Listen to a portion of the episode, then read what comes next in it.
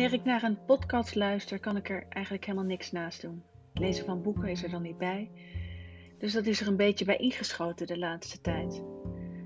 Als ik lees, dan is dat meestal Amerikaanse literatuur, maar ik heb ook een paar Nederlandse favorieten. En Oscar van den Boogaard is daar één van. Ik lees zijn boeken graag, maar het heeft ook wel iets ongemakkelijks, omdat ik hem ken. We zaten op dezelfde school, het GGC in Deventer. Hij zat een paar klassen hoger. Maar dat maakt wel dat ik me bij het lezen van zijn boeken een beetje een gluurder voel, alsof ik in zijn leven kijk. Ik geloof dat Oscar inmiddels iets van tien boeken heeft geschreven. De meeste ervan heb ik gelezen en in ieder geval aangeschaft. Een van die boeken is me het meest bijgebleven: Vreemdkörper uit 1991. Op de eerste bladzijde van het boek heb ik de datum van aankoop geschreven. Dat was 2 juli 1996. Toen las ik het voor het eerst. De achterflap van het boek vermeldt waar het over gaat. In de hoofdstad van een eenwordend continent raken de verlangens van drie hoofdpersonen, alle drie op de vlucht geslagen voor hun verleden, in elkaar verstrengeld.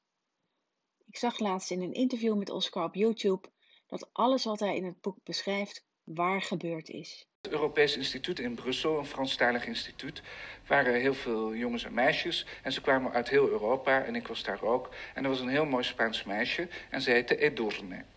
En dat Spaanse meisje en ik begonnen aan iets waarvan ik niet wist wat het zou worden, maar ik dacht dat het misschien wel een symbiotische relatie zou kunnen worden. Hoe de vrouwelijke hoofdpersoon in het boek heet? Edurne.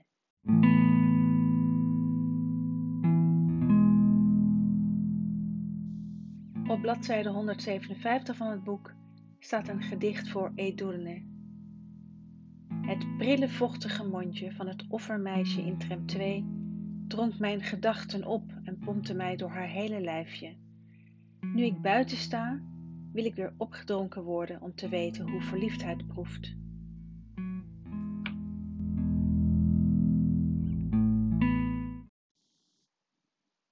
Dit bracht me terug naar mijn middelbare schooltijd op het GGC. In de paasvakantie van het vierde schooljaar, het was april 1982, kreeg ik een brief van Oscar op lichtroze papier met een prettig lezend handschrift. Ik kende hem niet goed, alleen van het voorbijgaan. Hij zat tenslotte een paar klassen hoger. Ik wist wel wie hij was, maar de brief overviel me een beetje. Oscar moet dat hebben aangevoeld, want hij schreef: Ik ben ervan overtuigd dat ik de laatste ben van wie je een brief verwacht. Het is een brief die een inleiding nodig heeft.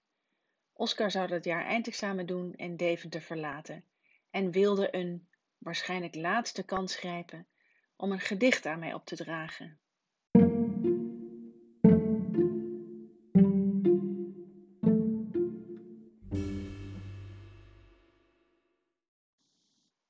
Hij refereerde aan de schilder Gauguin, die jonge meisjes en vrouwen had geschilderd, die hij, zo schreef Oscar, schitterend, haast koninklijk vond. Na zijn bekentenis dat hij mij het Gauguin-meisje noemde, volgde het gedicht. Dat had bijna dezelfde bewoordingen als het gedicht dat 17 jaar later in het boek Vreemdkörper terechtkwam.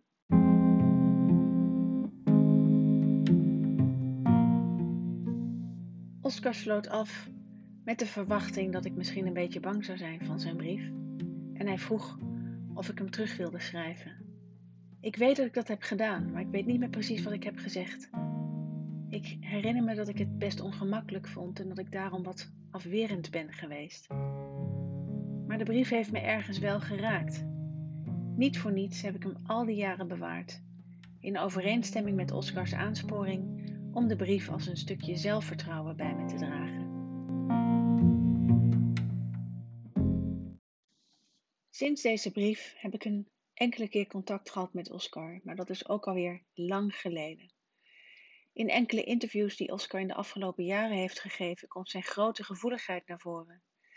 Waar ik benieuwd naar zou zijn, is of hij mijn reactie van destijds heeft bewaard en hoe die reactie, die zoals ik net al zei wat afwerend was, bij hem is binnengekomen.